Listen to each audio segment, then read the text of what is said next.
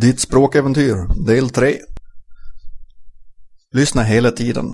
Lyssna flera gånger på samma material. Lyssna ofta under dagen. Se till att du alltid har din mp3-spelare eller CD-spelare med dig. Du kan börja med den här artikeln om du vill. Lyssna för att vänja dig vid ljuden. Imitera ljuden. Imitera orden och intonationen. Det kommer att hjälpa ditt uttal. Fokusera därefter på betydelsen. Om du inte förstår allt, läs texten. Om du läser på datorskärmen kan du ta hjälp av online-ordlistor som är mycket snabbare än traditionella ordlistor. Använd linkmetoden för att spara nya ord och fraser. Du kan gå igenom dem senare och sammankoppla nya ord med gamla sammanhang. Om du är medlem kan du också be en lärare om hjälp. Lyssna igen och läs igen. Se till att du är avslappnad och oroa dig inte för om det är avsnitt som du inte verkar kunna förstå. När du lyssnar och läser tränar du din hjärna för att vänja dig vid språket. Fortsätt bara.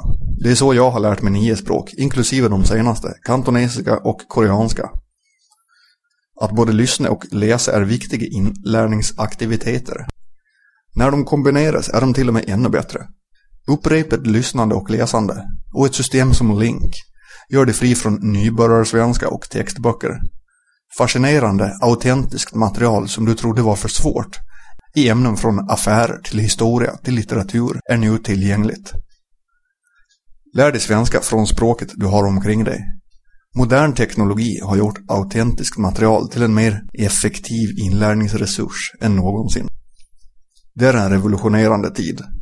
Det är ett ypperligt tillfälle att lära dig språk med hjälp av mp3-spelaren, CD-spelaren, datorn och ett system som Link.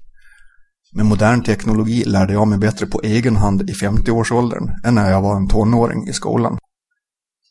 Du kanske säger att du inte har tid, men du måste hitta tiden om du verkligen vill förbättras. Om du vill bli mer effektiv i din affärskorrespondens eller om du vill förstå vad människor säger och delta mer effektivt i konferenser. Eller om du vill göra presentationer på svenska.